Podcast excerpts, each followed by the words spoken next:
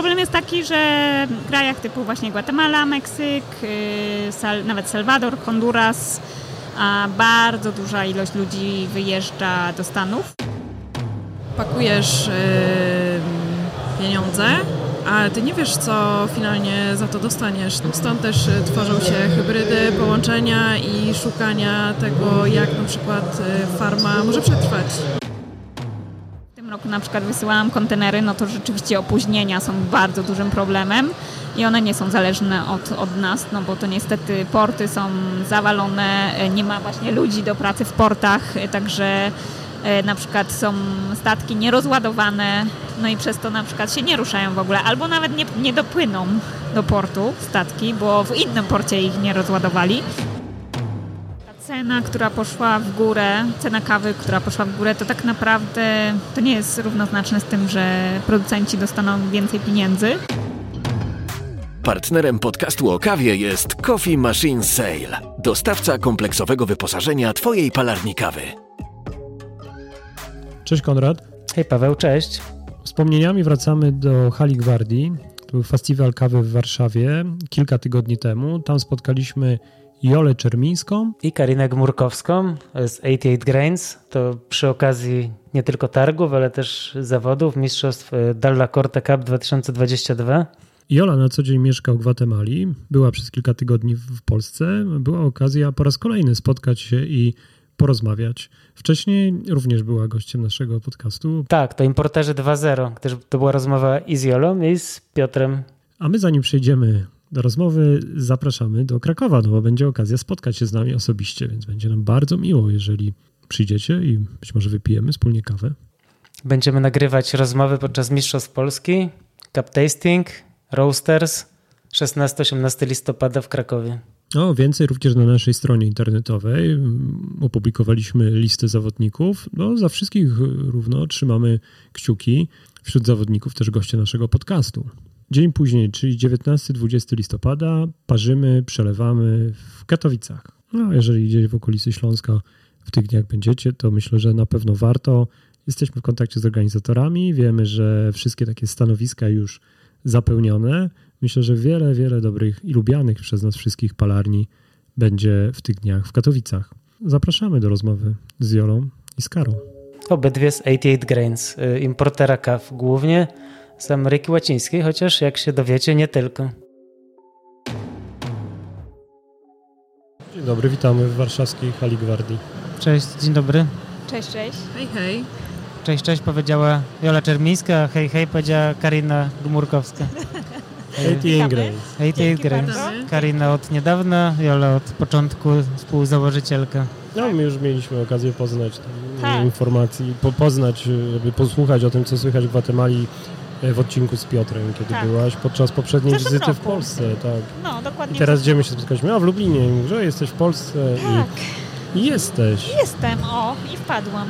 Także No jest. fajny moment. Wczoraj na festiwalu tutaj była, był panel dyskusyjny z waszym udziałem. Rozmawialiście o, o czym w zasadzie? O, E, Właśnie spotkaliśmy się z czterech różnych perspektyw.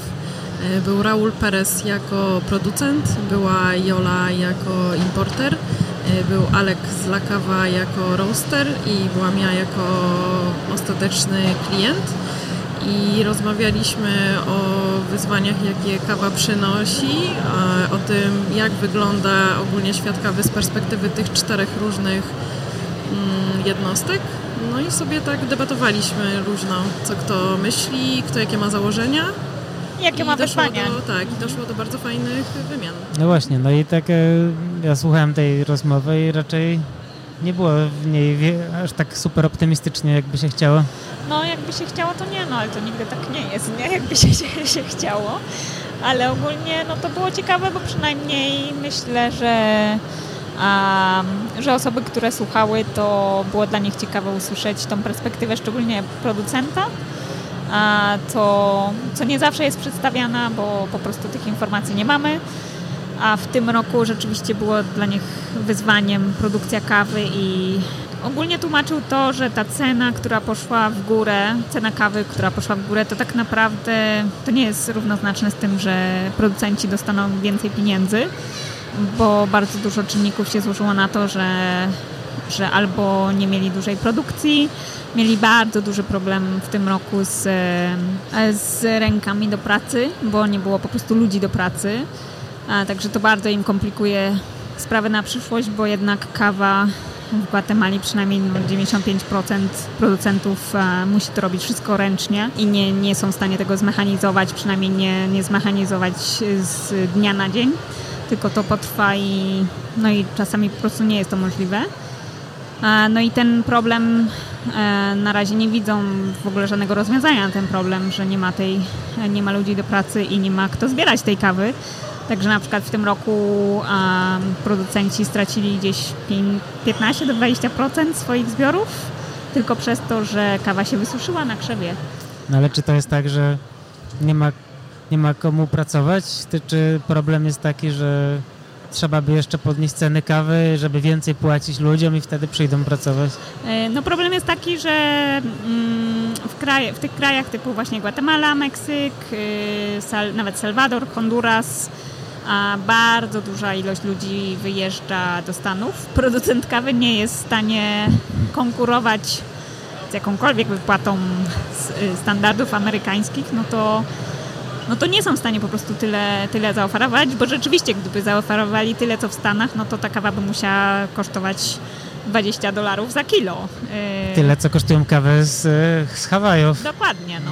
Także y, na razie właśnie nie widzą rozwiązania na to, no bo jednak dla ludzi, którzy pochodzą z tych krajów, no to jest bardziej lukratywne wyjechać na pół roku sobie do Stanów, bo teraz nawet Stany oferują wizy pracownicze, przez to, że to też spowodowane zostało pandemią i tym, że oni nie mają ludzi do pracy, Także a, zorganizowali po prostu wizy do, pra, y, do pracy dla, dla ludzi z, z Gwatemali, z Meksyku i z różnych innych krajów. I, no i ludzie chętnie wyjeżdżają na pół roku. Pół roku zarabiają sobie tak, żeby następne pół roku być w Gwatemali i nie pracować.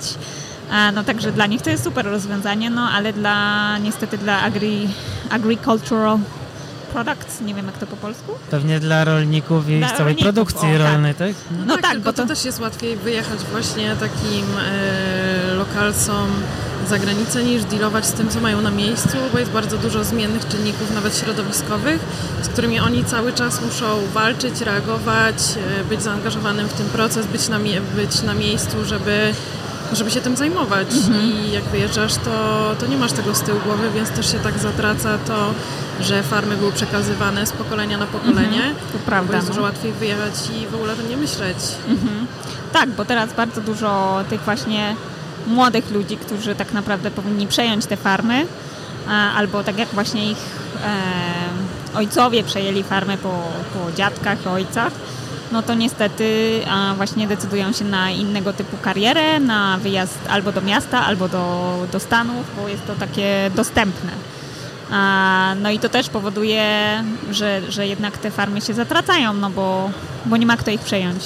A jeszcze trzeba dodać, że zbieranie owoców na farmach, które są bardzo zróżnicowane pod względem wysokości i robienie tego ręcznie i powiedzmy też chodzenie e, pieszo jest bardzo uciążliwe, bo jakbyście się wybrali na wycieczkę, to byście zauważyli, że jest ogólnie ciężko chodzić i spacerować po bardzo takim wyboistym terenie, mhm. a dodać do tego dodatkowe kilogramy.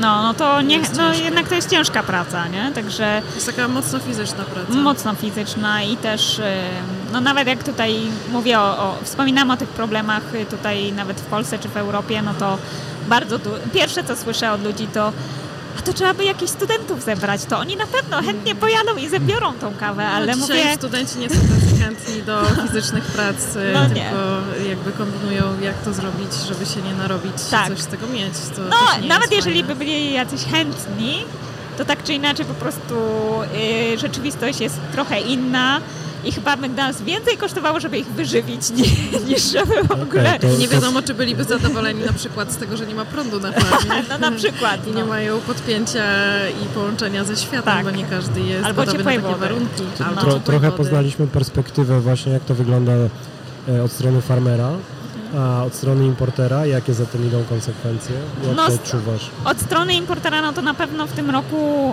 eksportera i importera, bo tak powiem od, od strony eksportu, tam jak y, w tym roku na przykład wysyłałam kontenery, no to rzeczywiście opóźnienia są bardzo dużym problemem i one nie są zależne od, od nas, no bo to niestety porty są zawalone, nie ma właśnie ludzi do pracy w portach, także na przykład są statki nierozładowane, no i przez to na przykład się nie ruszają w ogóle, albo nawet nie, nie dopłyną do portu statki, bo w innym porcie ich nie rozładowali.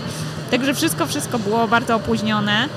No myśmy akurat mieli szczęście, że nie tak strasznie było opóźnione, ale naprawdę no, słyszałam historię, że niektóre, niektóre kontenery stały w portach po 6 do 7 miesięcy z kawą i tak sobie tam stały w tych portach, także no, no to jest bardzo duże ryzyko dla, dla takiego y, importera y, albo osoby, która zakupuje kawę i po prostu ta kawa się nie rusza. Także dla nas na pewno ryzykiem e, wiadomo, że zwiększonym finansowym było to, że, że kawa poszła do góry 30-40% i, no i przez to blokujemy tak jakby 30-40% więcej, no i ponosimy to, to jednak ryzyko nie, procentowe w skali tego, że, że ta kawa, że ta cena kawy jest e, o wiele wyższa. Co mówią właśnie właściciele palarni w Polsce, w Europie. Czyli no pytam o tą mm, perspektywę tego lokalnego rynku, bo rozumiem, że w trakcie tego wcześniejszego spotkania jeszcze był reprezentant La Kawy. E, tak, więc jeżeli chodzi, tak, jeżeli chodzi o palarnię, to wszyscy zauważyliśmy, jak inflacja wpłynęła na ceny i na market. I jedyna rzecz, jaką mogą e, palarnie teraz robić, no to to jest tak samo, edukacja, świadomość i jakby, bo to nie jest tak, że te ceny rosną i jakby z niewiadomych przyczyn. Ceny poszły na wszystkim, tak jak Jola wcześniej wspomniała, od importu, transportu, logistyki po prąd, więc y, będziemy widzieli pewnie w najbliższym czasie taką tendencję, że niektóre palarnie przetrwają, a niektóre nie będą mogły sobie pozwolić, y, więc może, może zaczną powstawać jakieś kooperatywy, na przykład cztery palarnie, mikropalarnie będą się łączyć w jedną, co, co, co też uważam za fajne jako przetrwanie na przyszłość, ale też po cenach nawet Brazylii widać, która poszła do góry, że ten rynek się będzie zmieniał i że kawa specialty i commercial, one będą jakby się wyrównywać i to też będzie bardzo ciekawe zjawisko na przyszłość, mhm. bo tego się nikt nie spodziewał i te palarnie, które będą mogły grać wolumenem będą grały, a te, które nie będą i nigdy nie, nie przystosują się, bo też nie, nie po to powstały, tylko powstały po to, żeby tworzyć małe ilości wysokiej jakości, no to to będzie dla nich e, dużym wyzwaniem i będą musieli się zastanowić, jak mogą sobie z tym poradzić. Rozmawialiśmy z jedną z palarni kilka tygodni temu. Tam była taka perspektywa, żeby sprzedawać na niższej marży, włożyć więcej energii w pozyskiwanie klientów, czyli bardziej aktywna sprzedaż. Mieliście Daniela z Coffee pozdrawiamy to, to jest właśnie... Pozdrawiam. Tak, to tak, Daniel mówi, właśnie Daniel więcej. mówił o tym, tylko że to też jesteśmy w perspektywie palarni, która jest dużego rozmiaru i która może sobie na to pozwolić, a co z dużo mniejszymi palarniami, które nie mają takiej możliwości. Partnerem podcastu o kawie jest Coffee Machine Sale, dostawca kompleksowego wyposażenia Twojej palarni kawy.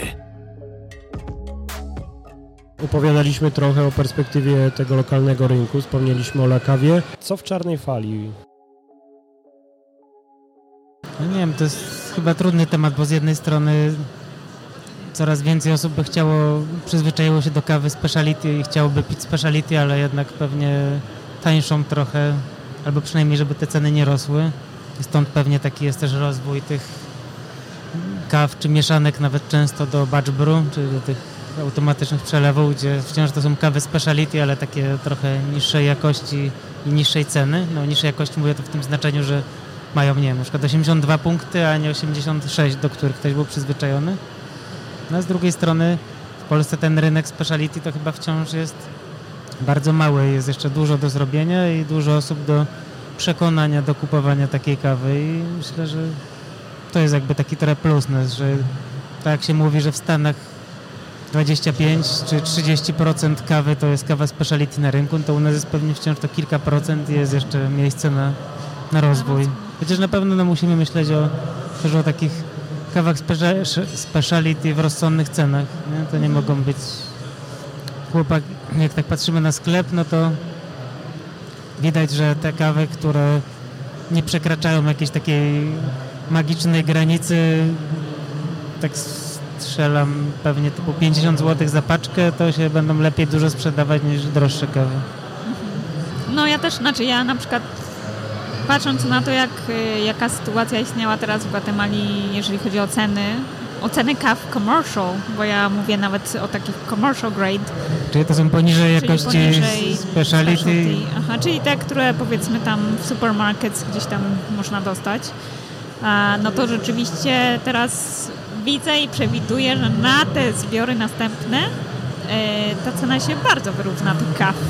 Czyli te, te kawy poniżej jakości specialty będą bardzo, dro bardzo drogie, żeby, żeby w ogóle je zakupić. Jest e, coraz mniej kawy, no w tym roku zaś zapowiadają, że w Gwatemali będzie niż, będą niższe, niższe zbiory. No i ta cena ta, tak naprawdę Sea Market e, widzę, że nie wpłynie, nawet cena jeżeli giełdowa. cena giełdowa, która spadła, ale differential poszedł do góry.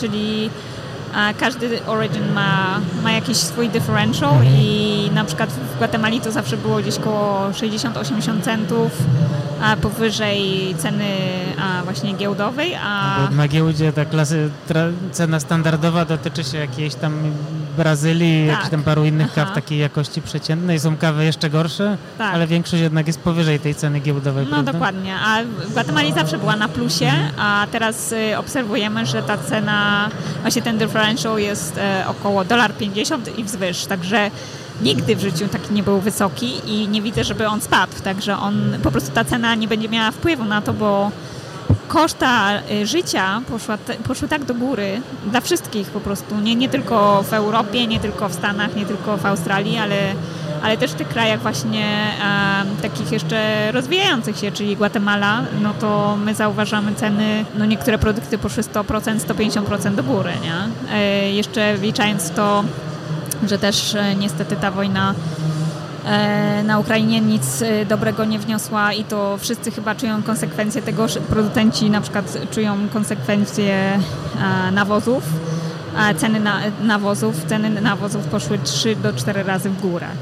No także e, to też pociągnie za sobą jakieś inne konsekwencje typu, że okej, zdecydują e, nie, nawodzić, nie nawozić w tym roku, no i w przyszłym roku spad, spadną zbiory, spadnie ilość zbiorów przez to, że no, coś tam im zabraknie na tej farmie, nie? Także a wszystko po prostu cie, jedno ciągnie y, drugie za sobą, nie? No tak, czyli reasumując, po prostu nie ma się co spodziewać, że kawa będzie Nie, tańsza, a, a nawet Nie. żeby się utrzymać cena, to jednak raczej będzie będzie rosło. drożała. No i cóż, no i trzeba się chyba przyzwyczaić do tego, że warto zapłacić za dobrą kawę trochę więcej pieniędzy, no, Tak. albo szukać też z drugiej strony kaw takich jakości średniej plus do codziennego picia, jeżeli ktoś Mhm. potrzebuje pić dużo kawy, a nie ma super dużo pieniędzy. Fajnie jeszcze by dodać e, w tym temacie to, że jeżeli producent robi jakiekolwiek zmiany na farmie, no to to jest kwestia kilku lat. To nie jest tak, że dzisiaj producent posadzi coś bez nawozu i za trzy dni będzie miał rezultat. Nie, to jest tak, że to jest kolejna inwestycja, za którą jakby, w którą pakujesz e, pieniądze, a ty nie wiesz, co finalnie za to dostaniesz, także stąd też e, tworzą się hybrydy, połączenia i szukania tego, jak na przykład e, farma może przetrwać, bo jakby różne kawy rosną na różnych wysokościach i nie każda jest dostosowana do aktualnych warunków środowiskowych, ale to jest kwestia lat, kilku lat. No przynajmniej 3-4 lat, y, żeby w ogóle e, zasadzić jakiś nowy, nowy kawałek ziemi jakimiś nowymi e, varieties. No a plus jeszcze, żeby wymienić całą farmę na, te, na, na jakieś lepsze varieties, które będą bardziej, e, Czyli więcej szczepy? produktowały, no to, y, to, to jest kwestia 10-15 lat. No także jest to, jest to bardzo skomplikowane, plus no jeszcze ten klimat rzeczywiście zauważamy y, anomalia, nie? Czyli takie są, że albo jest bardzo dużo opadów deszczu, albo w ogóle ich nie ma, albo są w ogóle w takim okresie, gdzie nie powinno ich być. Także to też zmienia cały ten cykl e, tych wszystkich produktów, które tak naprawdę uprawiają i, i nie wiadomo, co się z tym może podzieć, bo ja, u nas, no, jak jest zimno, to zakładamy sweter i jest ok, a, a niestety rośliny no, jakoś inaczej reagują na to i, i trzeba się też uzbroić w cierpliwość, żeby zobaczyć w ogóle, jak one będą reagować na to wszystko. Ale nawet jak jest ciepło, to różnica temperatury wieczorem jest e, ogromna od no. rana i to tak samo pokazuje, że na dłuższej przestrzeni czasu to może afekować kawę. No. Czyli, że ta temperatura jest cały czas nieprzewidywalna i mhm. o tyle, o ile farmerzy są przygotowani, jak sobie z tym radzić, no to na gwałtowne spadki nikt nie jest gotowy. Tak, to prawda. I to teraz właśnie nawet było widoczne na przykład w takich regionach jak Huehuetenango, gdzie e, w czasie zbiorów były bardzo silne mrozy w nocy i po prostu, po prostu szron zniszczył bardzo dużo kawy. Przez to, że w ciągu dnia było bardzo, bardzo mocne słońce i po prostu paliło tą kawę na, mm. na krzewie. Także no są takie właśnie, zauważamy takie jakieś nowe a, nowe dziwne rzeczy, które się dzieją, jeżeli chodzi o klimat i on bardzo dużo przyspiesza. Czyli Albo jak... wybuch wulkanu no na przykład, temu, no, na przykład. Kilka, też, no, na przykład. przykład. No ale mimo wszystko walczycie i słyszałem, że nowe, nowe originy, czy nowe kraje tak. producenckie, czy kraje pochodzenia kawy myślicie wprowadzić do swojej oferty? Co to będzie? Tak, y, to znaczy wiesz, no naszym zdaniem to nawet, że rynek jest niepewny, czy w ogóle no, cały świat jest w tym momencie niepewny, no to też nie, nie będziemy rozkładać rąk i płakać nad tym, no bo to nie ma w ogóle żadnego sensu. Także wydaje mi się, że tak czy inaczej trzeba działać i, i, i wiesz, ciągle się rozwijać. No i tak planujemy, y, planujemy dalszy rozwój. No, co roku stara, starajmy, staramy się rozwinąć. I ach, Olek akurat wszedł mi w zdanie. E, I myślę, że y, w przyszłym roku y, chcemy dodać właśnie przynajmniej dwa, trzy nowe, nowe kraje. Mamy oko na Peru i Kolumbię. I tak skradamy się do Burundi, także zobaczymy jak to nam pójdzie. Wiadomo, że to, że to trwa y, w czasie i właśnie, no tak jak mówię, rynek jest niepewny, także wszystko robimy raczej ostrożnie. Możemy jeszcze dodać, że obecnie mamy oprócz Gwatemali, Kostarykę i Honduras i wkrótce bardzo szybko Bra Brazylię. Brazylia, tak, e, Bo niektórzy myślą, że mamy tylko Guatemalę. No właśnie, bo tak ostatnio takie właśnie, spostrzeżenia. Że, tak, żeśmy się zdziwiły, bo mieliśmy cupping w Krakowie i, I wszyscy roasterzy myśleli, że a, mamy tylko Guatemalę. No tak, no wy się kojarzycie oczywiście z, Gwate- z kawami z Gwatemali.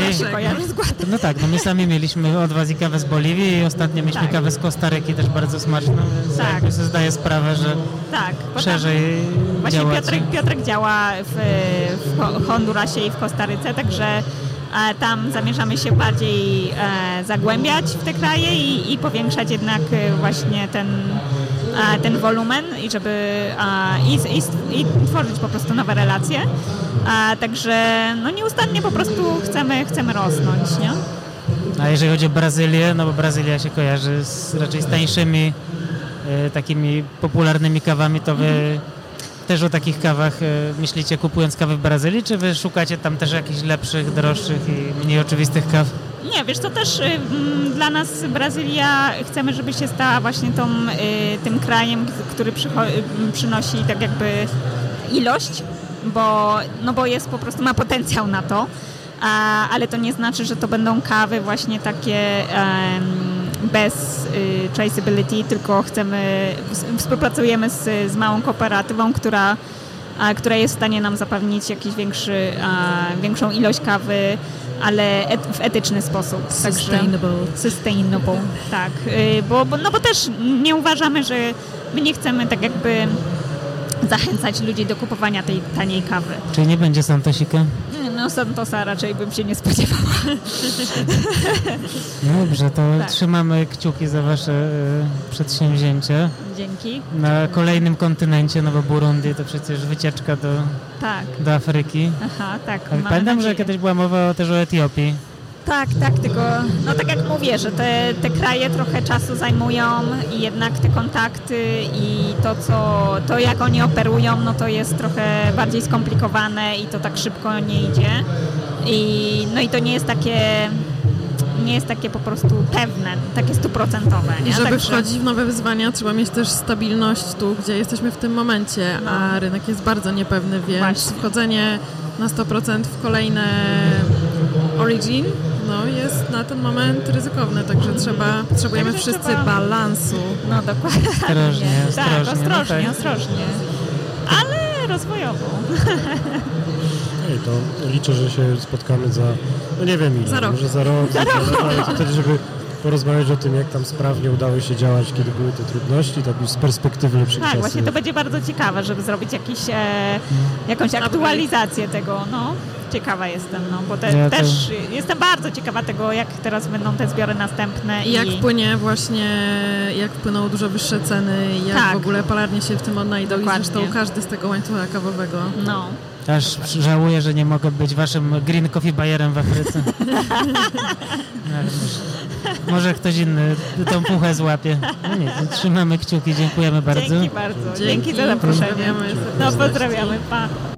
Partnerem podcastu o kawie jest Coffee Machine Sale, dostawca kompleksowego wyposażenia Twojej palarni kawy.